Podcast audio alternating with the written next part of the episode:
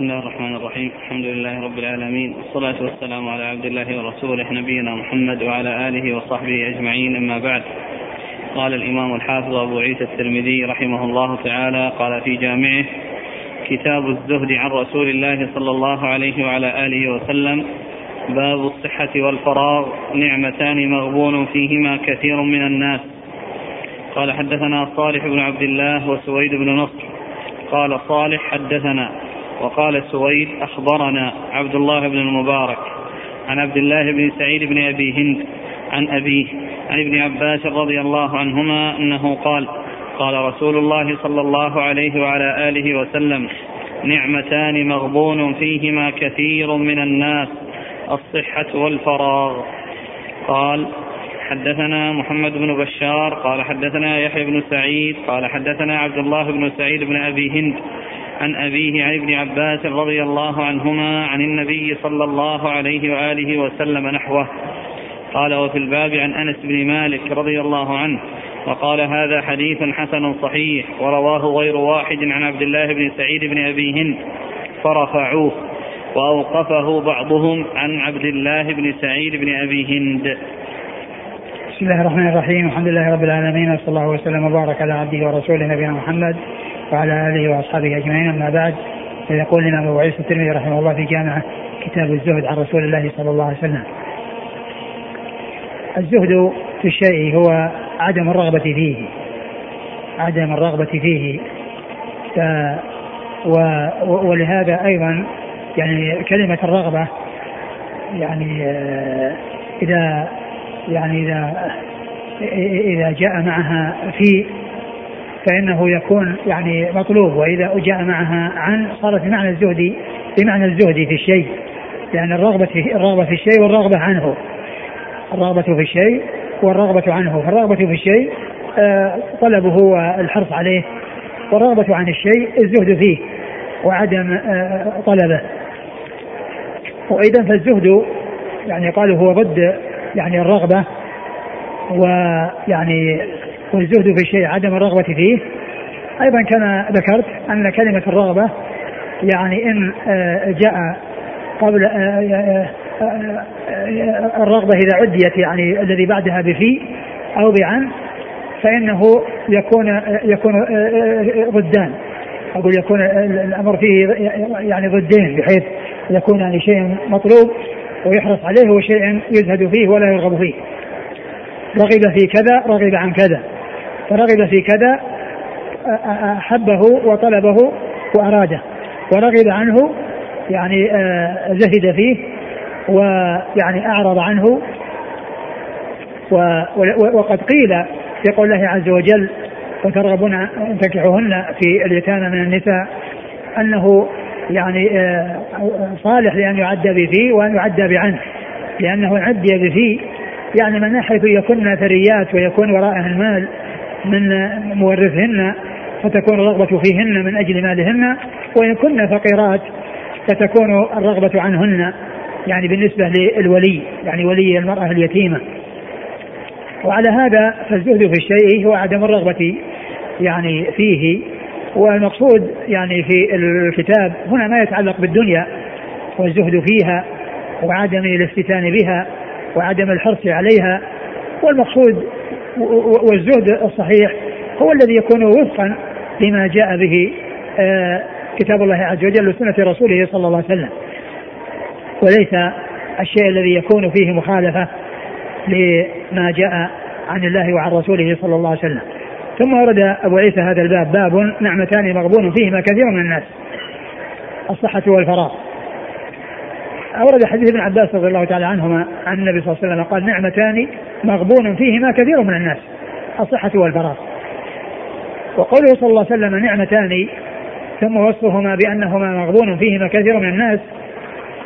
هذا من من من من, من طريقته صلى الله عليه وسلم في إلقاء الكلام يعني حيث يأتي قبل أن يبين الشيء الذي أراده وعناه يأتي بشيء يمهد له ويحفز الهمم.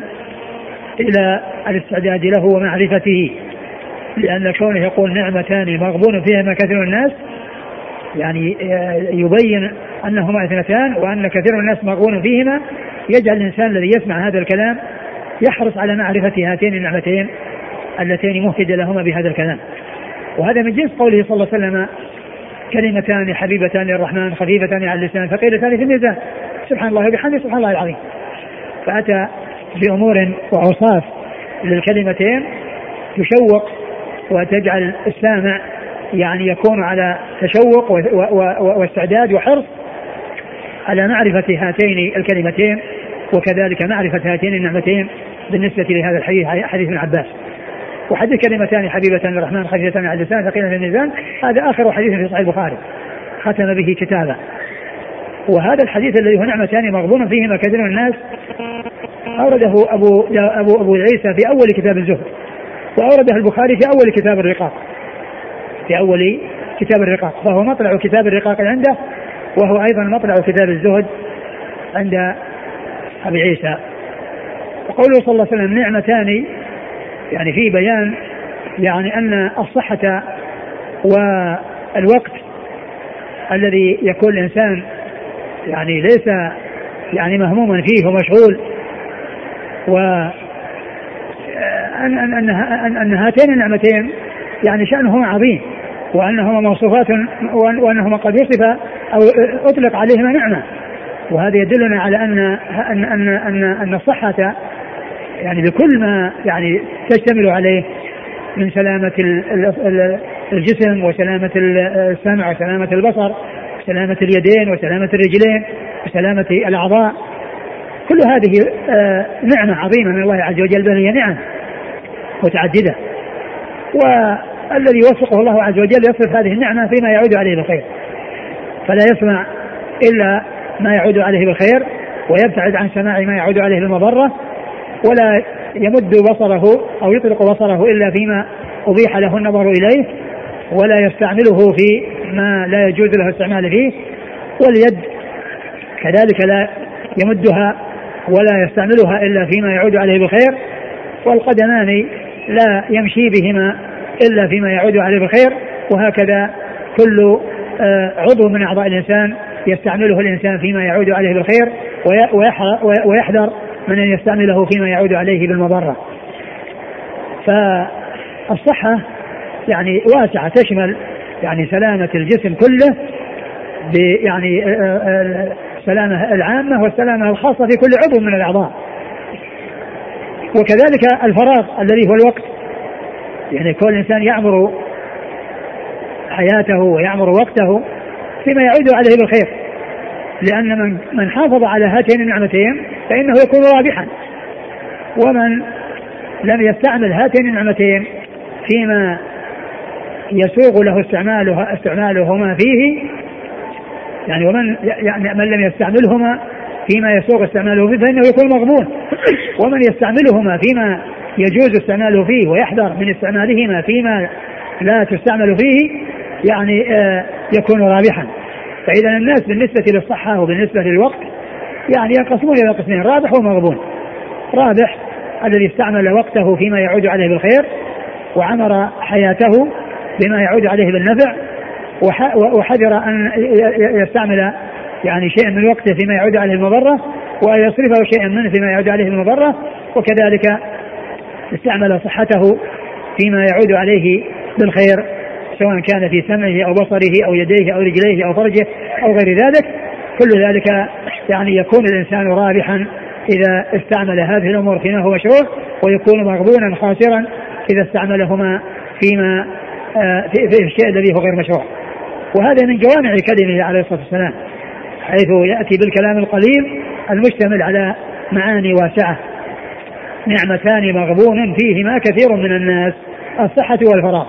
فإذا الحديث فيه ترغيب وترهيب فيه ترغيب في استعمال النعمتين فيما يعود على الإنسان بالخير ليكون من الرابحين وتحذير من استعمالهما فيما يعود عليه بالمضرة آه، لئلا يكون من المغبونين الخاسرين.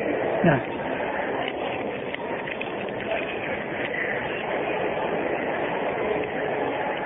قال حدثنا صالح بن عبد الله. صالح بن عبد الله الترمذي هو. ثقة أخرجه الترمذي. نعم. وسويد بن نصر. وسويد بن نصر ثقة أخرج له. الترمذي والنسائي. نعم. قال صالح حدثنا وقال سويد أخبرنا. يعني هذا فرق بينهما يعني من ناحية الصيغة يعني من ناحية الصيغة لأن أحدهما قال حدثنا والثاني أخبرنا. وهذا من عناية المحدثين ودقتهم ومحافظتهم على الألفاظ على ألفاظ الرواة فإنه لما ذكر شيخيه وكان كل واحد منهما قال يعني أتى بعبارة التحديث آه، آه، حدثنا والثاني قال أخبرنا ميز بينهما فقال فلان كذا قال كذا وفلان قال كذا. وفي بعض الأحيان يأتي بالتحويل. يعني يذكر آه يذكر الإسناد عن الأول فيقول حدثنا فلان ثم يقول حاوى حدثنا ويرجع. وقد مر بنا مثال يعني في هذا. وهنا جمع بين الاثنين ولكنه ميز صيغة كل واحد منهما بدون أن يستعمل التحويل. بدون أن يستعمل التحويل. آه قال قال. قال صالح حدثنا قال سويد أخبرنا نعم. عبد الله بن المبارك. آه عبد الله المبارك بن المبارك المروزي وهو ثقة أخرجه أصحاب كتب الستة. عن عبد الله بن سعيد بن أبي هند. وهو؟ صدوق ربما وهم أخرجه أصحاب الكتب. نعم. عن أبيه عن أبي سعيد بن أبي هند وهو؟ ثقة أخرجه أصحاب الكتب. نعم. عن ابن عباس. عن ابن عباس عبد الله بن عباس بن عبد المطلب رضي الله تعالى عنهما أحد العبادله واحد السبع المكثرين من حديث النبي صلى الله عليه وسلم. قال حدثنا محمد بن بشار. هو الملقب بن دار ثقة أخرج أصحاب كتب السته. عن يحيى بن سعيد وهو القطان ثقة أخرج أصحاب كتب السته. قال وفي الباب عن أنس بن مالك أنس بن مالك خادم النبي عليه الصلاة والسلام وأحد السبع المكثرين من حديثه. قال رحمه الله تعالى باب من اتقى المحارم فهو أعبد الناس قال حدثنا بشر بن هلال الصواف البصري قال حدثنا جعفر بن سليمان عن أبي طارق عن الحسن عن أبي هريرة رضي الله عنه أنه قال قال رسول الله صلى الله عليه وعلى آله وسلم من يأخذ عني هؤلاء الكلمات فيعمل بهن أو يعلم من يعمل بهن. فقال أبو هريرة فقلت أنا يا رسول الله. فأخذ بيدي فعد خمسا وقال اتق المحارم تكن أعبد الناس. وارض بما قسم الله لك تكن أغنى الناس. وأحسن إلى جارك تكن مؤمنا. وأحب للناس ما تحب لنفسك تكن مسلما. ولا تكثر الضحك فإن كثرة الضحك تميت القلب. قال أبو عيسى هذا حديث غريب لا نعرفه إلا من حديث جعفر بن سليمان. والحسن لم يسمع من أبي هريرة شيئا. هكذا روي عن أيوب. ويونس بن عبيد وعلي بن زيد قالوا لم يسمع الحسن من أبي هريرة. وروى أبو عبيدة الناجي عن الحسن هذا الحديث قوله ولم يذكر فيه عن أبي هريرة عن النبي صلى الله عليه وسلم. ثم رد أبو عيسى هذا الترجمة باب باب. من اتقى المحارم فهو أعبد الناس. باب من اتقى المحارم فهو أعبد الناس. يعني اتقى المحارم عن الأمور المحرمة. فإنه من أعبد الناس.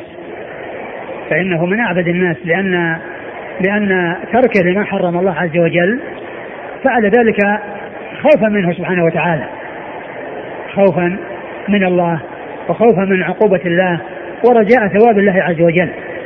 فيعني الإنسان الذي يعبد الله هو الذي يمتثل الأوامر ويجتنب النواهي. يمتثل الأوامر ويجتنب النواهي. ومعلوم أن النار حفت بالشهوات. فالإنسان الذي يبتعد عن المعاصي ويبتعد عن الأمور المحرمة فإنه يبتعد يأخذ بأسباب السلامة من الهلاك والسلامة من الوصول إلى النار وذلك بتركه المحرمات وعدم آه، آه، آه، استرساله فيها أو يعني دخوله فيها فيؤديه يؤدي به ذلك إلى أن يقع في النار. وإذا امتثل الأوامر واجتنب النواهي فإنه يكون بذلك فعل ما فعل طاعة لله ولرسوله صلى الله عليه وسلم فيكون من أعبد الناس لأن العبادة هي امتثال الأوامر واجتناب النواهي هي امتثال الأوامر واجتناب النواهي يعني يعبد الله طبقا لما شرع فيمتثل ما هو مأمور ويجتنب كل ما هو محظور نعم و الحديث كان قال قال قال ابو هريره قال صلى الله عليه وسلم من يأخذ عني هؤلاء الكلمات فيعمل بهن أو يعلم من يعمل بهن. من يأخذ هذه الكلمات يعني آه التي سيذكرها لأن لأن هذا أيضا من آه من من, من المنهج القويم والطريقة المثلى التي كان عليه الصلاة والسلام يسلكها في آه حفظ السامعين والمخاطبين إلى تلقي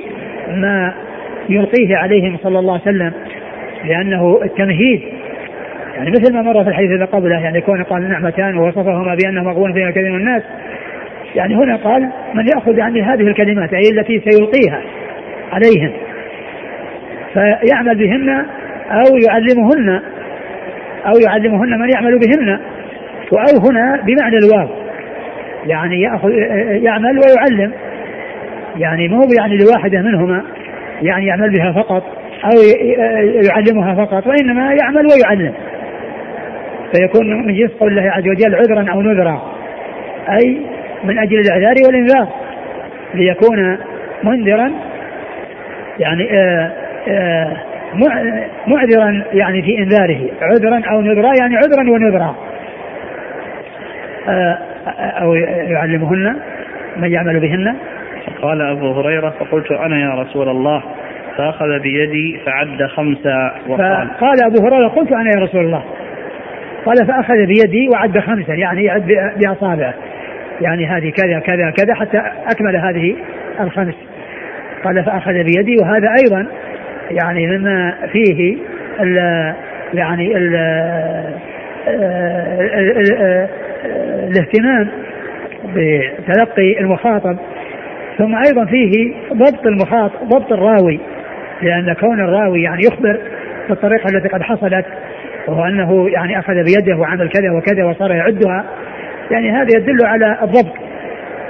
لأن لأن كون الراوي يذكر شيئا يتعلق بالقصة أو يتعلق بالحديث عند حصل عند التحديث بالحديث أو عند تلقيه الحديث يدل على ضبطه. يعني كما جاء في حديث ابن عمر رضي الله عنه الذي رواه البخاري في قال أخذ رسول الله صلى الله عليه وسلم بمنكبي وقال كن في الدنيا كأنك غريب أو عابر سبيل. أخذ بمنكبي يعني هو يتذكر الهيئة التي حصلت عند تحديث النبي صلى الله عليه وسلم إياه بهذا الحديث حيث وضع يده على منكبه.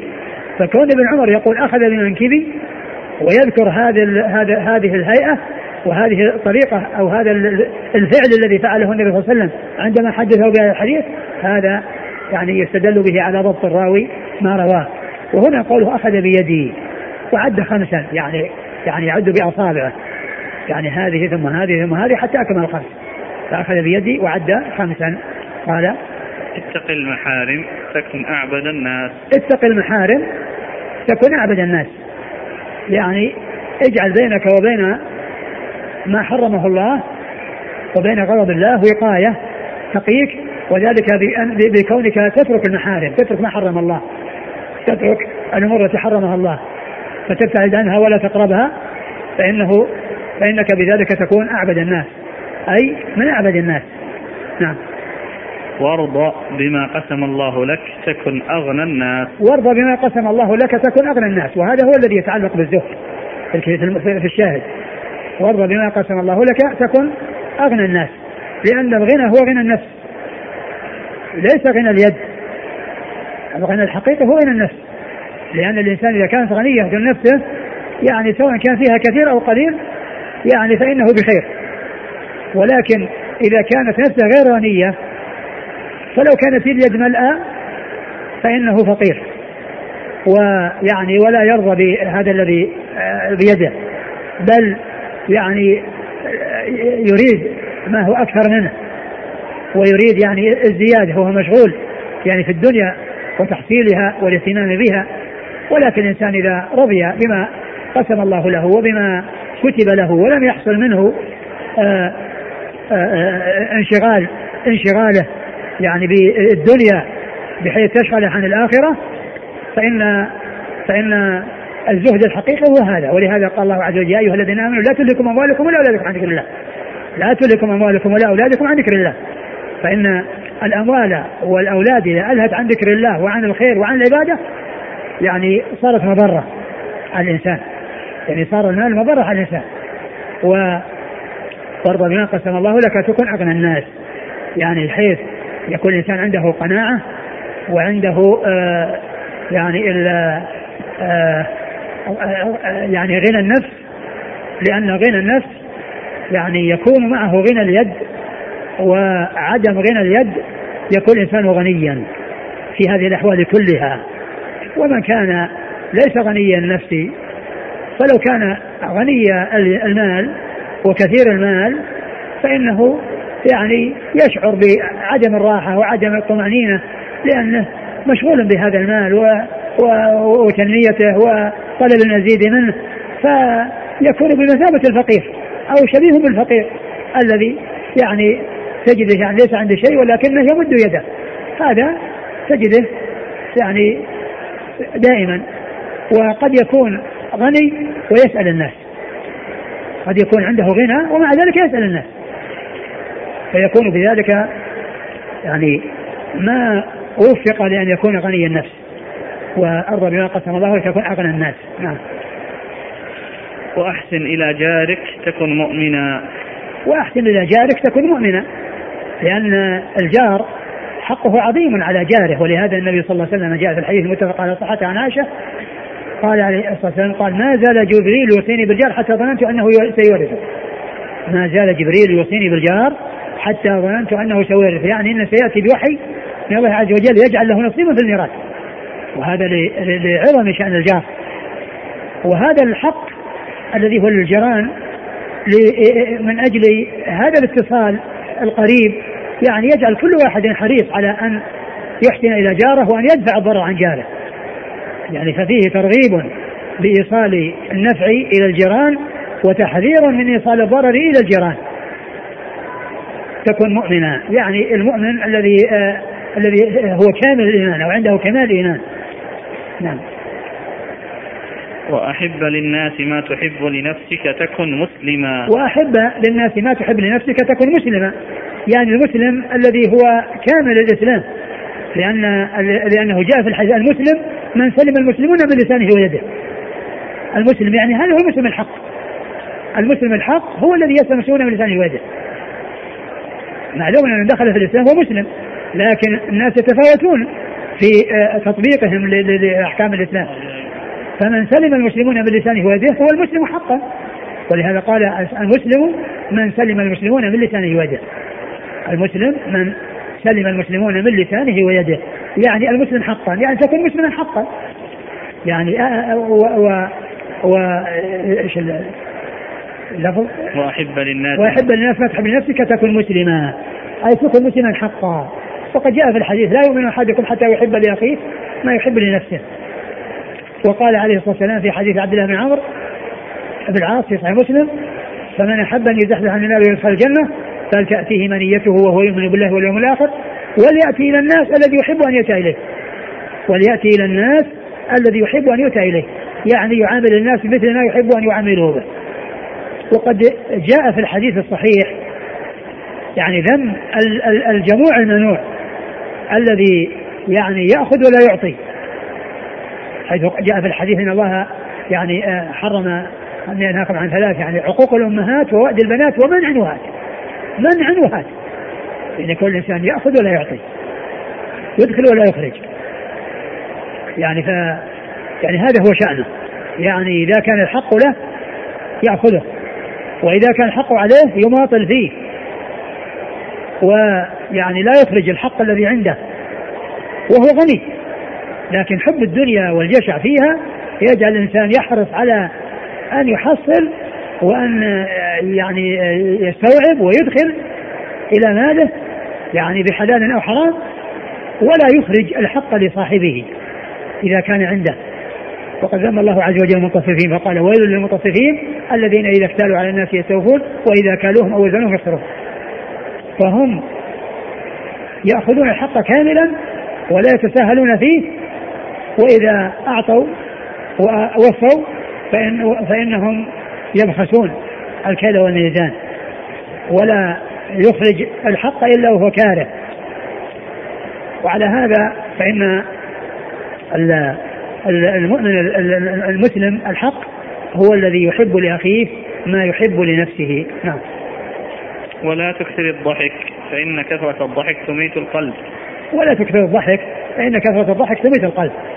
لأنه يعني معناه أنه آه، مشغول بالضحك وبالمزاح فيموت قلبه ويعني يقسو قلبه ويعني لا يكون عنده آه، يعني اشتغال بما يعود عليه بالخير. نعم. قال حدثنا بشر بن هلال الصواف البصري. هو؟ ثقة حضر مسلم وأصحاب السنن. نعم. عن جعفر بن سليمان. وهو؟ صدوق للبخاري في المفرد ومسلم وأصحاب السنن. نعم. عن أبي طارق. وهو مجهول؟ أخرجه الترمذي. نعم. عن الحسن عن أبي هريرة. الحسن بن أبي الحسن البصري هو ثقة أخرج أصحابه في الستة وأبو هريرة رضي الله عنه أكثر الصحابة حديثا والحديث في إسناده الحسن وهو يعني مدلس وقد روى بالعنعنة.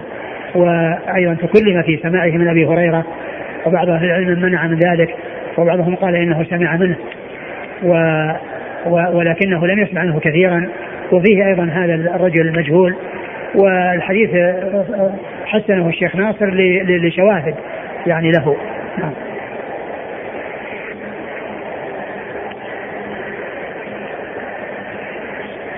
قال والحسن لم يسمع من أبي هريرة شيئا هكذا روي عن أيوب ويونس بن عبيد وعلي بن زيد. آه يونس بن عبيد ثقة أخرج أصحابه في الستة. أيوب وأيوب بن أبي تمام السفياني ثقة أخرج أصحابه في الستة. وعلي بن, وعلي بن زيد بن جدعان ضعيف.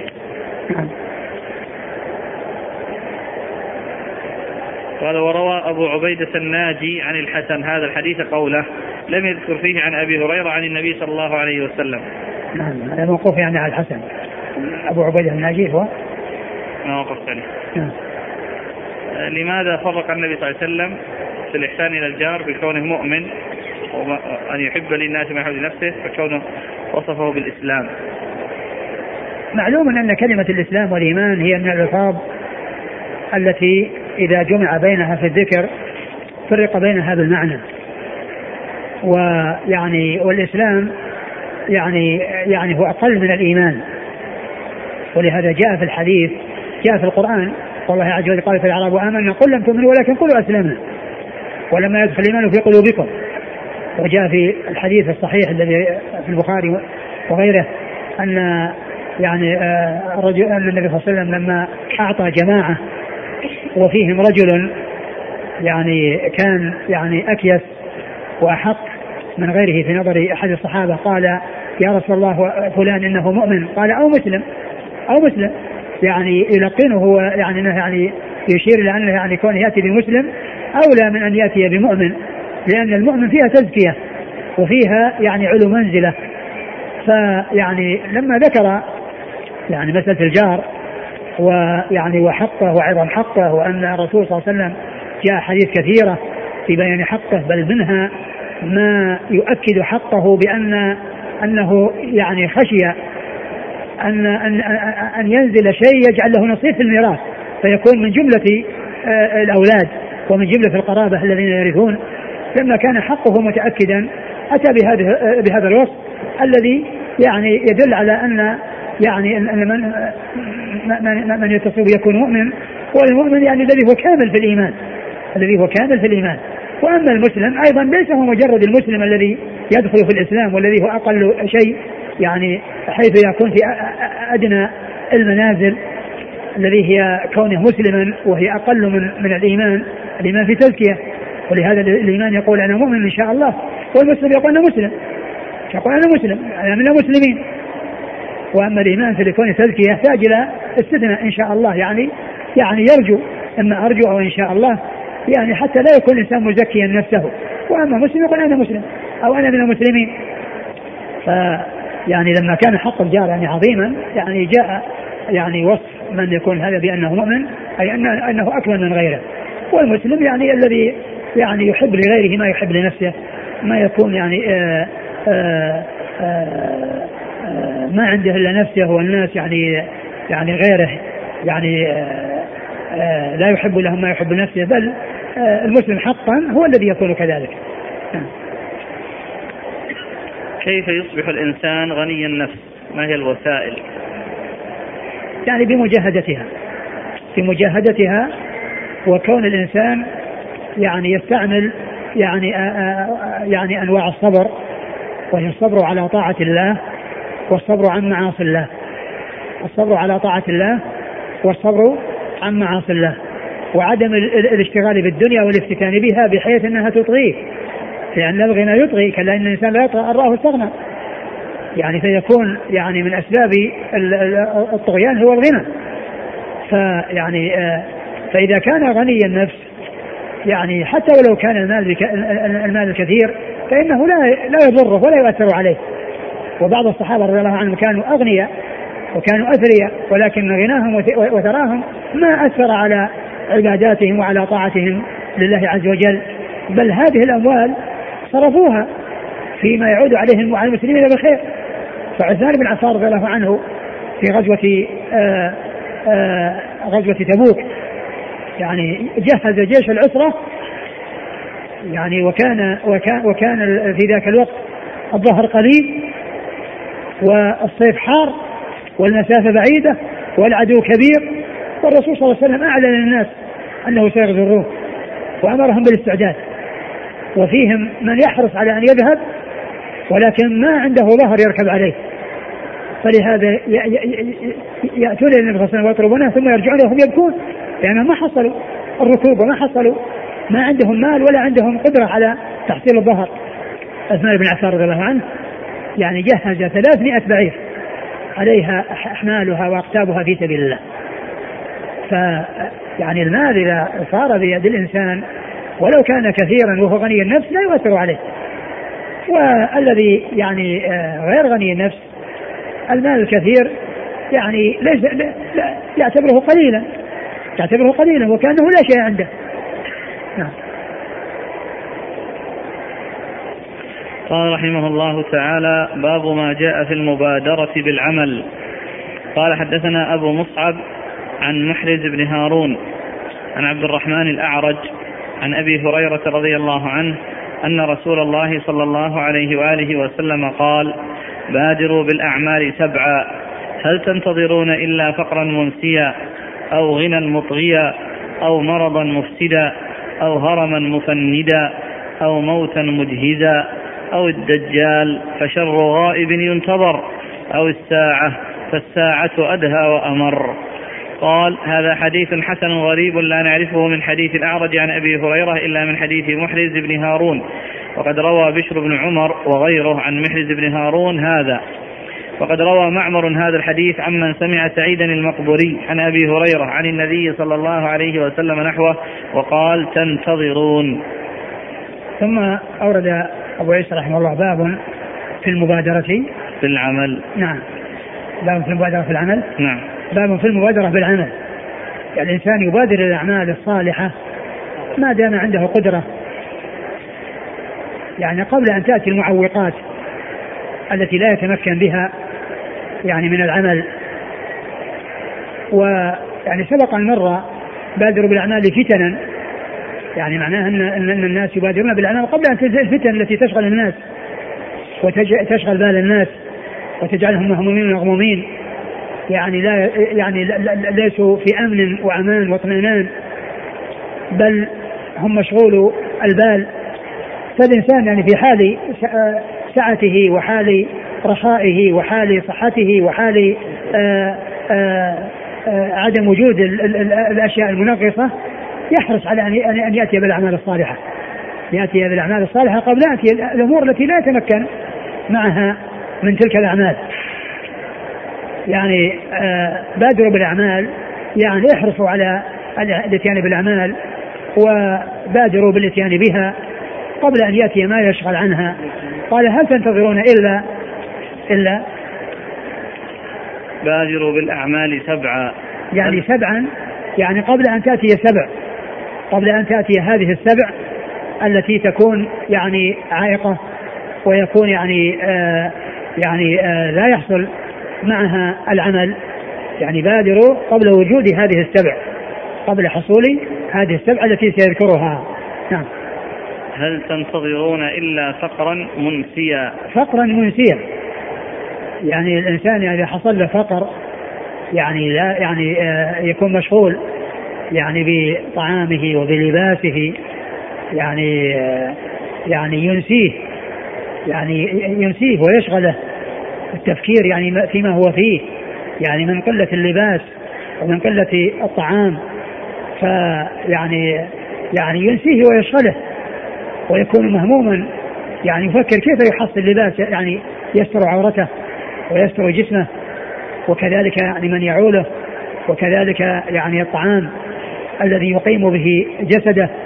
يعني تجد مشغول قبل أن تأتي هذه المعوقات التي منها الفقر المنسي. نعم أو غنى مطغيا أو الغنى المطغي يعني كثرة المال التي تطغي الإنسان ويجعله يطغى كلا إن الإنسان لا يطغى أن رآه استغنى. كلا إن الإنسان لا يطغى أن رآه استغنى. فإن من أسباب الطغيان الغنى.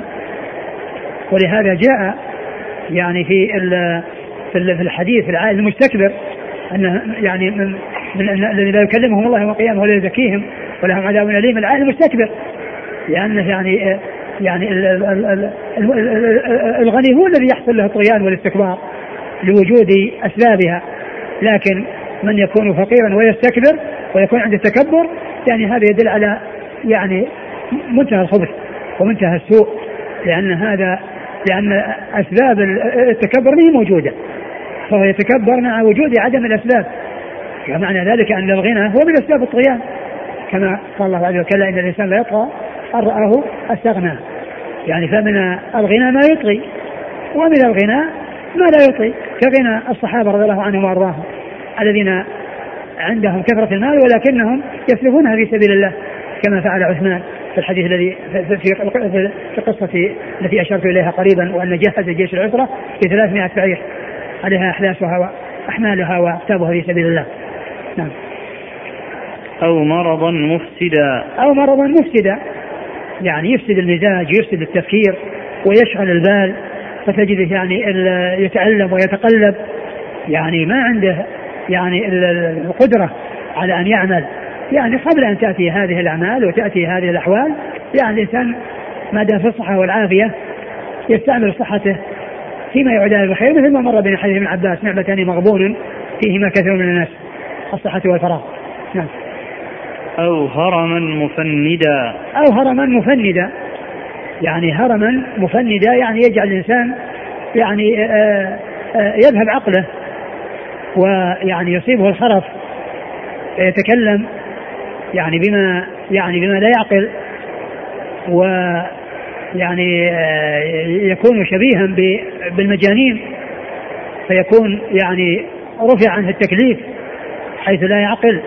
إذا بلغ به السن إلى الخرف الذي لا يعقل معه فما دام الإنسان في صحته وعافيته قبل أن يصل إلى هذه السن التي يكون بها الإنسان بهذه المثابة ويكونه يعني عقله ذاهب وعقله يعني غير حاضر وهو أشبه يعني بالمجانين الذين لا عقول لهم فهو يستعمل صحته قبل أن يأتي ذلك الوقت الذي آه، يعني يرفع عنه القلم ويكون ليس من أهل التكليف. نعم. أو موتا مجهزا أو موتا مجهزا يعني موتا سريعا يعني موت مثل موت الفجأة. الإنسان يعني ما يدري متى يموت قد يموت في لحظة. ما قد يعني لا يستطيع أن يتكلم ولا أن يوصي ولا أن يعني آآ آه، آآ آه، يعني يبين ما له وما عليه. يعني قد ولهذا يعني جاء الحث على الوصية أن الإنسان الذي له شيء يعني آه، يعني يوصي به وقد مر الحديث ما حق بين يعني له شيء يريد أن يوصي به في ليلتين لوصيته مكتوبة عنده. لأن الإنسان لا يعرف يعني قد يموت فجأة.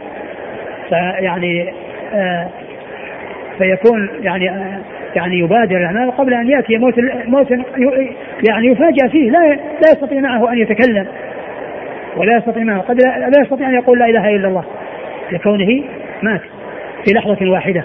نعم. أو الدجال فشر غائب ينتظر. أو الدجال الذي هو الرجل الذي يعني مر كثيرا من الحديث في كتاب الفتن وأن فتنته يعني هي أعظم فتنة وأن الأنبياء حذروا وأنذروا أممهم يعني آه ذلك الرجل وكان يعني لا يعلمون وكان يعني لا يعلم متى زمانه ولكنه كان في آخر زمان الرسول صلى الله عليه وسلم وهو يعني شر غائب ينتظر وقد جاء يعني بيان فتنته وعظمها وأن الإنسان يعني يفتتن به وبما يكون معه من الأمور التي يعني فيها خرق للعادة. فيعني يسلم من يسلمه الله ويقع من يغتر بما عنده. نعم. أو الساعة فالساعة أدهى وأمر. أو الساعة فالساعة أدهى وأمر. يعني قيام القيامة وانتهاء الدنيا. نعم. قال حدثنا أبو مصعب. أبو مصعب هو صدوق. صدر أصحاب الكتب. نعم. عن محرز بن هارون. وهو متروك. يقال له محرر. قال محرز ويقال محرر. وهو متروك أخرج له. الترمذي الترمذي نعم. عن عبد الرحمن الأعرج. عبد الرحمن بن هرمز الأعرج وهو ثقة. أخرج أصحاب الكتب الستة. عن أبي هريرة رضي الله عنه وهو أكثر الصحابة حديثا والإسناد فيه هذا الرجل متروك نعم. قال وقد روى بشر بن عمر وغيره عن محرز بن هارون. بشر بن عمر هو؟ ثقة أخرج أصحاب الكتب. نعم. وقد روى معمر هذا الحديث. معمر بن راشد ثقة أخرج أصحاب الكتب. عمن سمع سعيدا المقبوري. عمن سعيد سمع سعيدا المقبري سعيد سعيد بن ابي سعيد المقبري ثقة أخرج أصحاب كتب الستة. عن أبي عن أبي هريرة. وقال تنتظرون. يعني بدل تنظرون. في الرواية الأولى تنظرون.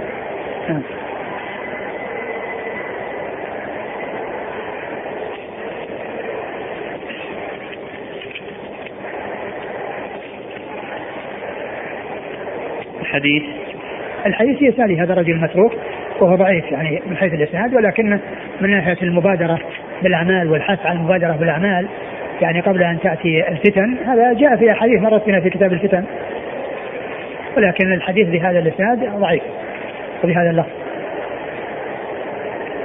قال رحمه الله تعالى باب ما جاء في ذكر الموت.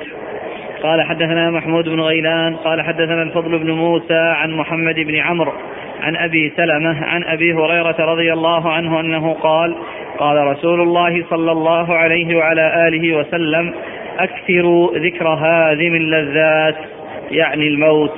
قال وفي الباب عن أبي سعيد الله عنه قال أبو عيسى هذا حديث حسن غريب. ثم أورد أبو عيسى باب في ذكر الموت. يعني كون الانسان يذكر الموت ويتذكر الموت هو على خير. وإنما المعاصي والبلاء والشرور تأتي بالغفلة عن الموت. يعني يعني طول الأمل وكراهية الموت ونسيان الموت والغفلة عن الموت يعني يحصل فيها البلاء والشرور. ولكن الإنسان إذا يعني تذكر الموت وكان على باله ذكر الموت يستعد للموت بالاعمال الصالحة. يستعد له بالأعمال الصالحة.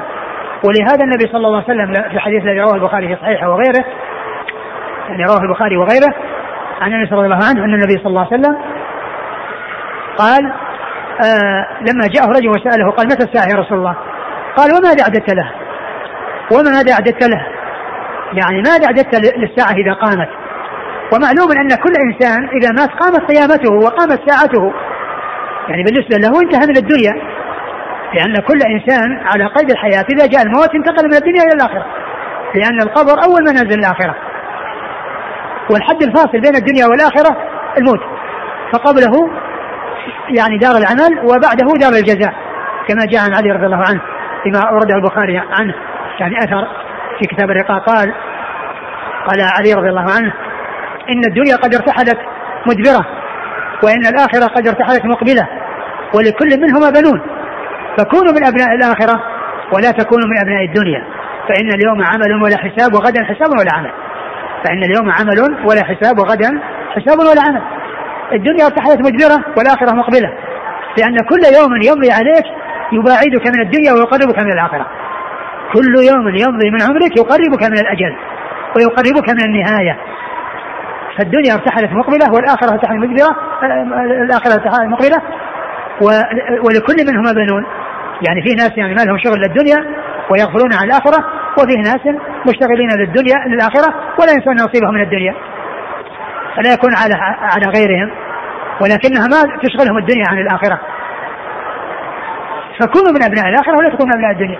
فإن اليوم عمل ولا حساب وغدا حساب ولا عمل. الرسول صلى الله عليه وسلم قال لهذا الرجل وماذا أعددت لها؟ المهم الإنسان يعرف ماذا قدم لنفسه إذا إذا مات. والإنسان إذا مات قامت قيامته. وأما الساعة تقوم على الذين كانوا أحيا في آخر الزمان. وإلا فكل من مات قامت قيامته ونعم في الجنة أو عذب في النار. لأن القبر إذا كان الإنسان المسلم الإنسان موفق يأتيه يعني يفتح له باب إلى الجنة فيأتيه من روحها ونعيمها فينعم في قبره قبل أن تقوم الساعة. وكذلك الكافر ومستحق العذاب يعذب قبل أن تقوم الساعة. كما قال الله عز وجل النار في آل فرعون النار يعرضون عليها غدوا وعشيا. ويوم تقوم الساعة أدخلوا آل فرعون أشد العذاب. فأهل النعيم يعني أهل الإحسان منعمون في قبورهم وأهل العذاب معذبون في قبورهم. معذبون في قبورهم.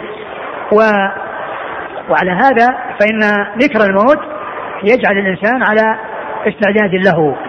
ولهذا قال عليه الصلاة والسلام زوروا القبور فإنها تذكركم الآخرة.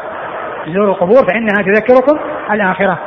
يعني والإنسان إذا تذكر الآخرة استعد لها في العمل الصالح ثم ورد هذا الحديث أكثر ذكر هذه من اللذات. يعني الموت. يعني هذه يعني قاطع اللذات. لأن من يتمتع ويتلذذ في هذه الحياة إذا جاء الموت خلاص انقطعت هذه اللذات. انقطعت هذه اللذات. وإذا كانت هذه اللذات يعني آه، من الشهوات التي حفت بها النار فإنها لذة عاجلة يتبعها حسرة. وتعقب حسرة يعني وندامة. أكثر ذكر هذه من اللذات يعني قاطع اللذات. يعني اللذات التي هي يعني آه، متعة متع الدنيا فإنها تنتهي بالموت. ولهذا جاء في الحديث وهو أول حديث عند مسلم في كتاب الزهد الدنيا سجن المؤمن وجنة الكافر.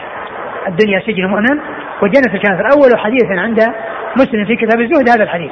الدنيا سجن المؤمن وجنة الكافر.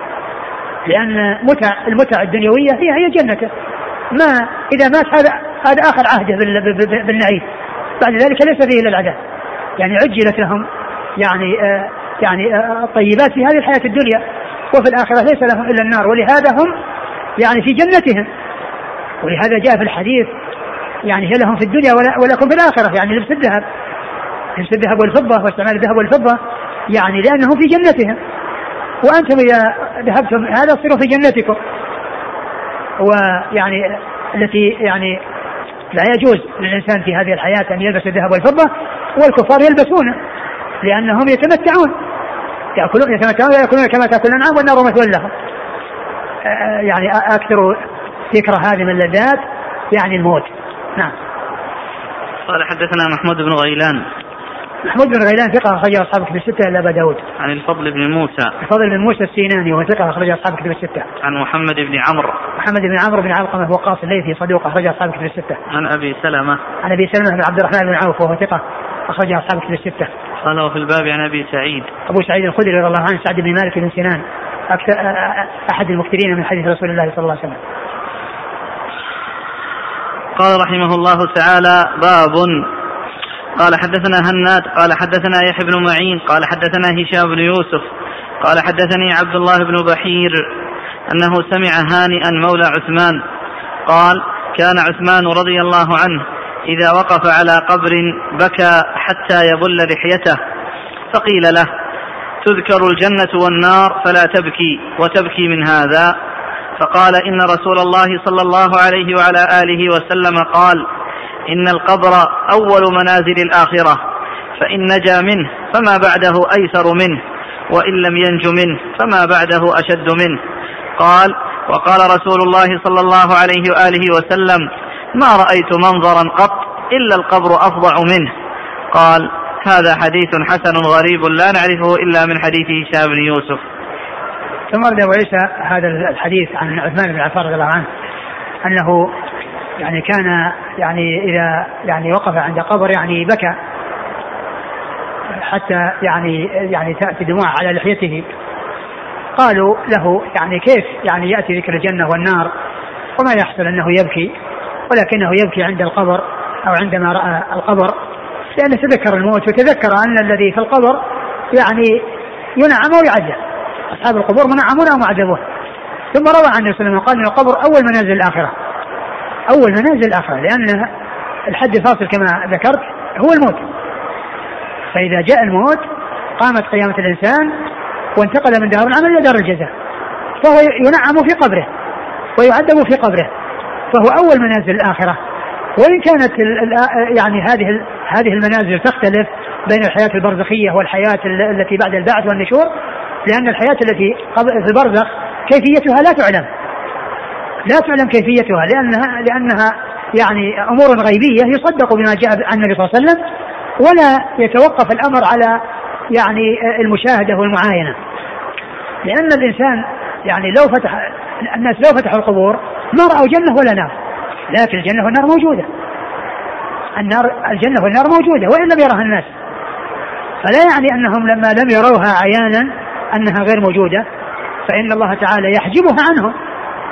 يحجبها كما حجبها عن الصحابة لما كانوا يصلون وراء النبي صلى الله عليه وسلم. وعرض على الجنة والنار. ومد يده إلى عناقيد الجنة وتقهقر. وهم يرون يده صلى الله عليه وسلم ممدودة ولا رأوا الذي رآه النبي صلى الله عليه وسلم أمامه. يعني فكما أن الناس وهم وراء النبي صلى الله عليه وسلم ما رأوا هذا الذي رآه النبي صلى الله عليه وسلم. فكذلك أيضا يعني لو فتح القبر يعني صاحبه منعم ومعذب وإن لم يرى الناس لأن الخبر جاء عن الله وعن رسوله صلى الله عليه وسلم بحصول النعيم والعذاب فيجب التصديق وهذا هو مقتضى تصديقه فيما أخبر. كل ما أخبر الله به الرسول صلى الله عليه وسلم يجب التصديق به. وإن لم يعني الإنسان يرى حقيقة ذلك كما أن الإنسان يعني الناس عندهم ملائكة وعندهم جن حولهم ومع ذلك لا يرونه. الله تعالى حجب يعني مو لازم ان الإنسان ما يؤمن إلا بشيء يراه. الجن يعني حولنا ولا نراه. والملائكة حولنا ولا نراهم. والله تعالى قال في الجنة يراكم هو قبيله من حيث لا ترونه إنه يراكم هو قبيله من حيث لا ترونه فكذلك القبور يعني العذاب فيها موجود والنعيم فيها موجود وإن لم نرى النعيم والعذاب.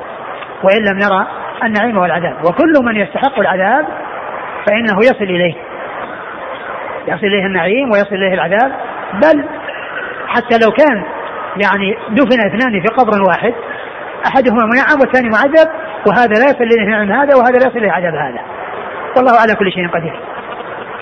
الواجب هو الإيمان والتصديق بكل ما أخبر به الرسول صلى الله عليه وسلم من يعني الأمور الغيبية ومن ذلك ما يتعلق بالمو... بالقبور وما بعد القبور وكذلك ما هو موجود غير غير مشاهد لنا وكذلك الأخبار الماضية عن الأمم السابقة وكل ما جاء عن الله وعن رسوله صلى الله عليه وسلم يجب التصديق به. فكان يقول منازل الآخرة يعني تذكر تذكر من هو منعم ومن هو معذب. ولهذا بكى رضي الله عنه. لأنه تذكر يعني أن هؤلاء الذين هم في القبور يعني بين منعمين أو معذبين إما في نعيم وإما في عذاب. ثم قال فإن نجا منه فما بعده أيسر منه وإن لم ينج منه فما بعده أشد منه. نعم فإن نجا منه فما بعده أيسر منه. يعني لأنه يعني إذا نجا من عذاب القبر يعني معنى ذلك أنه يعني ما وراءه يعني أيسر منه. وإن لم ينجو منه وإن لم ينجو وإن, وإن لم ينجو منه فما بعده أشد منه. نعم وإن لم ينجو منه فما بعده أشد منه. نعم. وقال ولهذا جاء في القرآن النار يعرضون عليها غدوا وعشيا وما تقوم الساعة أدخلوا آل فرعون أشد العذاب.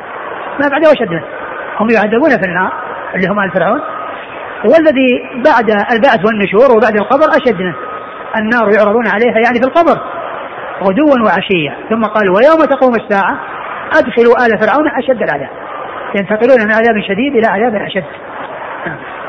وقال صلى الله عليه وسلم ما رأيت منظرا قط إلا القبر أفظع منه. وقال عليه الصلاة والسلام ما رأيت منظرا قط؟ يعني منظرا يعني شديدا أو يعني آه، عظيما يعني آه، يعني فيه التأثر والتألم إلا القبر أشد منه. ولهذا جاء في الحديث في صحيح مسلم لولا أن لا تدافنوا لدعوت الله أن يسمعكم من عذاب القبر ما أسمع. لولا أن لا تدافنوا لدعوت الله أن يسمعكم من عذاب القبر ما أسمع. يعني أن الرسول صلى الله عليه وسلم أطلعه الله يعني فكان يعني يسمع ما يجري في القبور. أسمعه الله ما يجري في القبور. كما أنه رأى يعني الجنة التي عرضت والنار التي عرضت والصحابة ما رأوها. فكذلك هو الله تعالى أسمعه ويسمعه أسمعه ما يحدث في القبور والصحابة ما يسمعون. ولهذا قال لولا أن لا تدافنوا يعني معناه أن الناس لو يسمعون يعني ما يجري في القبور ما يتميز من يؤمن بالغيب ومن لا يؤمن بالغيب. ما يتميز لكن الله اخفى هذه الأمور حتى يتميز من يصدق بالغيب ومن لا ومن لا يصدق إلا بما يشاهده ويعاينه. يعني لأن الناس لو لو أنه حصل لهم يعني ما سمع ما يجري ما ما قرر لهم قرار ولا تهنأوا بعيش ولا يعني آه، استطعموا بطعام ولا تلذذوا بفراش وهم يسمعون يعني ما يجري من العذاب من الصراخ والعويل وما إلى ذلك. يعني هذا لو يعني شيء عظيم مذهل. ما كل يعني ما يستطيع الناس الصبر لولا الا تدافن يعني معناها ان الناس يصيبهم الهزال ويصيبهم الهلاك بسبب ما يسمعونه. ثم يجري في القبور. لولا الا تدافنوا لدعوت الله أن يسمعكم من عذاب القبر ما أسمع. نعم. ما رأيت منظرا قط إلا القبر أفظع منه. أفظع. يعني أشد. أشد يعني ما يجري في القبر أشد يعني مما مما شاهده النبي صلى الله عليه وسلم. قال حدثنا هناد. هناد بن السري. أبو السري ثقة أخرجه البخاري في قضيه العباد ومسلم وأصحاب السنة. عن يحيى بن معين. وهو ثقة أخرج له. أصحاب الكتب. نعم. عن هشام بن يوسف. وهو؟ ثقة اخرج البخاري وأصحاب السنن. نعم. عن عبد الله بن بحير. وهو؟ وثقه ابن معين. أخرجه أبو داود والترمذي وابن ماجه. نعم. عن هانئ مولى عثمان. وهو؟ صدوق. أبو داود والترمذي بن ماجه. نعم. عن عثمان. عثمان بن عفان رضي الله عنه أمير المؤمنين وثالث الخلفاء الراشدين. الهاديين المهديين صاحب المناقب الجمة والفضائل الكثيرة وحديثه عند أصحاب الكتب الستة. قال رحمه الله تعالى باب ما جاء من أحب لقاء الله أحب الله لقاءه. قال حدثنا محمود بن غيلان قال حدثنا أبو داود قال أخبرنا شعبة عن قتادة قال سمعت أنسا يحدث عن عبادة بن الصامت رضي الله عنهما عن النبي صلى الله عليه وآله وسلم أنه قال من أحب لقاء الله أحب الله لقاءه. ومن كره لقاء الله كره الله لقاءه.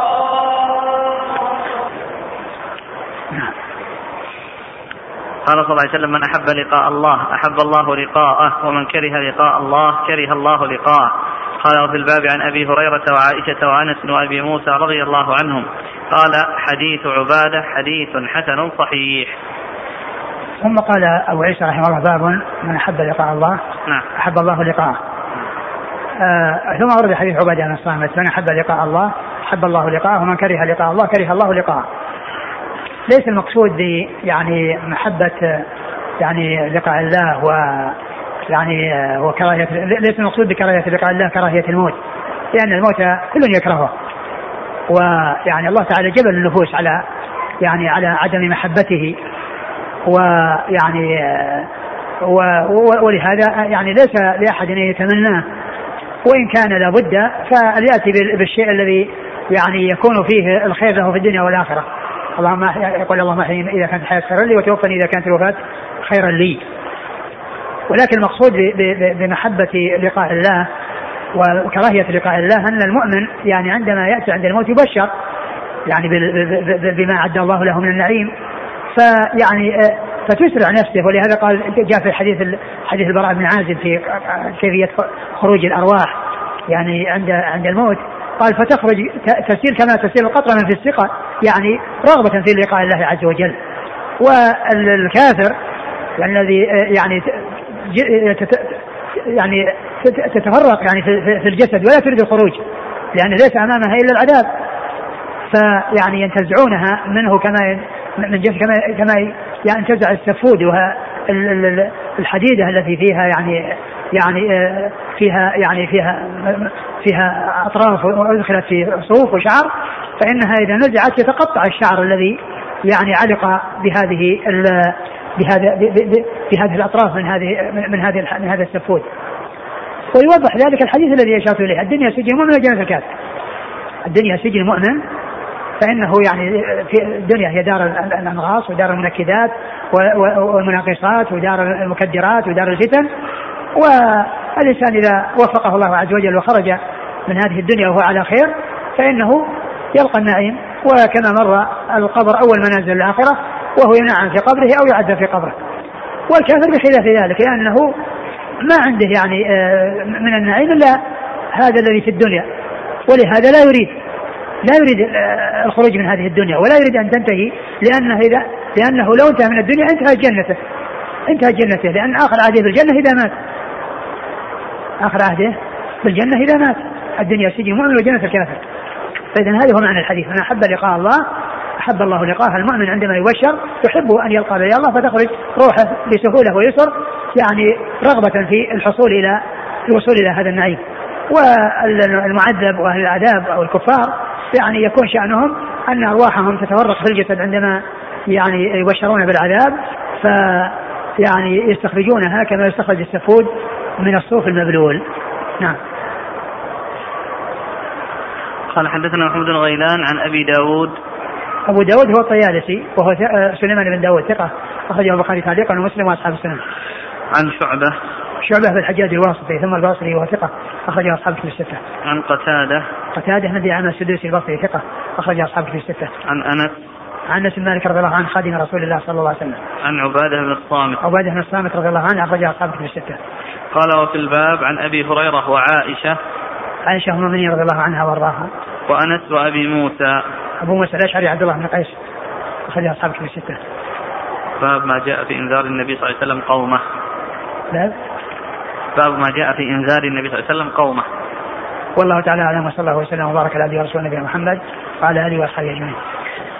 جزاكم الله خيرا وبارك الله فيكم ألهمكم الله الصواب ووفقكم للحق نفعنا الله بما سمعنا غفر الله لنا ولكم وللمسلمين أجمعين آمين.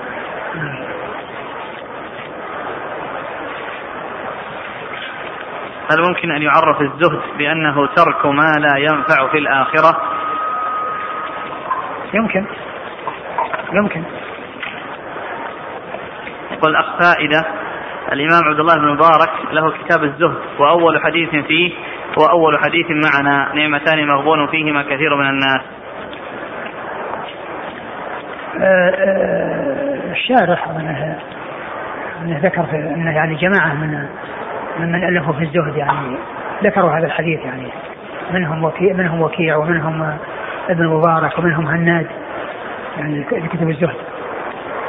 هذا مو لا يعني ليس الشارح يعني يعني ابن بشار معروف في تخريج تخريج الحديث. يعني صدر به كتاب الزهد يقول؟ اي صدر به؟ أول حديث عند عبد المبارك كتاب نعم. الزهد هذا حديث. نعم. يقول فضيلة الشيخ عندنا بعض الإخوة يدخلون القبر ويغلقونه عليهم مدة معينة وهذا من باب تذكر الموت ومعرفة ما فيه من ظلم ووحشة. فهل هذا الفعل جائز؟ والله ما نعلم أن شيء يدل على جوازه.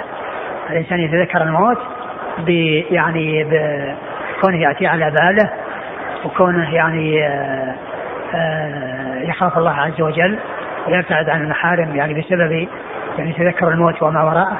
أما كونه يعني يروح ينام في القبر أو يعني يحفر له قبر وينام فيه يعني هذا ما نعلم شيء يدل عليه ولكن تذكره ولكن تذكر الموت يكون لكونه على باله دائما وابدا على باله الموت لأنه إذا كان على باله فإنه يكون يعني سببا في سلامته من الوقوع في المعاصي والأمور المحرمة. قوله صلى الله عليه وسلم فإن لم ينجو منه فما بعده أشد منه. هل فيه الرد على من قال من أهل العلم أنه قد يعذب المسلم في قبره كفارة لذنوبه ثم لا يدخل النار يوم القيامة. نعم لانها من المكفرات. يعني من أسباب يعني السلامة من العذاب. يعني آه كون الإنسان عذاب النار كون الإنسان يعذب في قبره. نعم يعني قد يكون بعض الناس يعني هو هو نصيبه من العذاب. نصيبه من العذاب. لكن الذي عذب يعني آه إذا كان يعني يعني مثل من الكفار أو يعني يعني يعني إذا كان من غير الكفار أمره إلى الله عز وجل. يعني قد يتجاوز الله عنه فلا يعذب في القبر ولا يعذب في النار. ولكن الكافر هو الذي لا شك أن أن أنه في قبره في عذاب شديد وما بعده أشد منه كما هو نص القرآن. في آل فرعون النار يعرضون عليها غدوا وعشيا ويوم تقوم الساعة ادخلوا آل فرعون أشد العذاب. وإلا فإن مكفرات الذنوب هي منها العذاب القبر. يعني كون الإنسان يعني يسلم من عذاب النار بكونه عذب في قبره. نعم. جزاكم الله خيرا. سبحانك اللهم وبحمدك. أشهد أن لا إله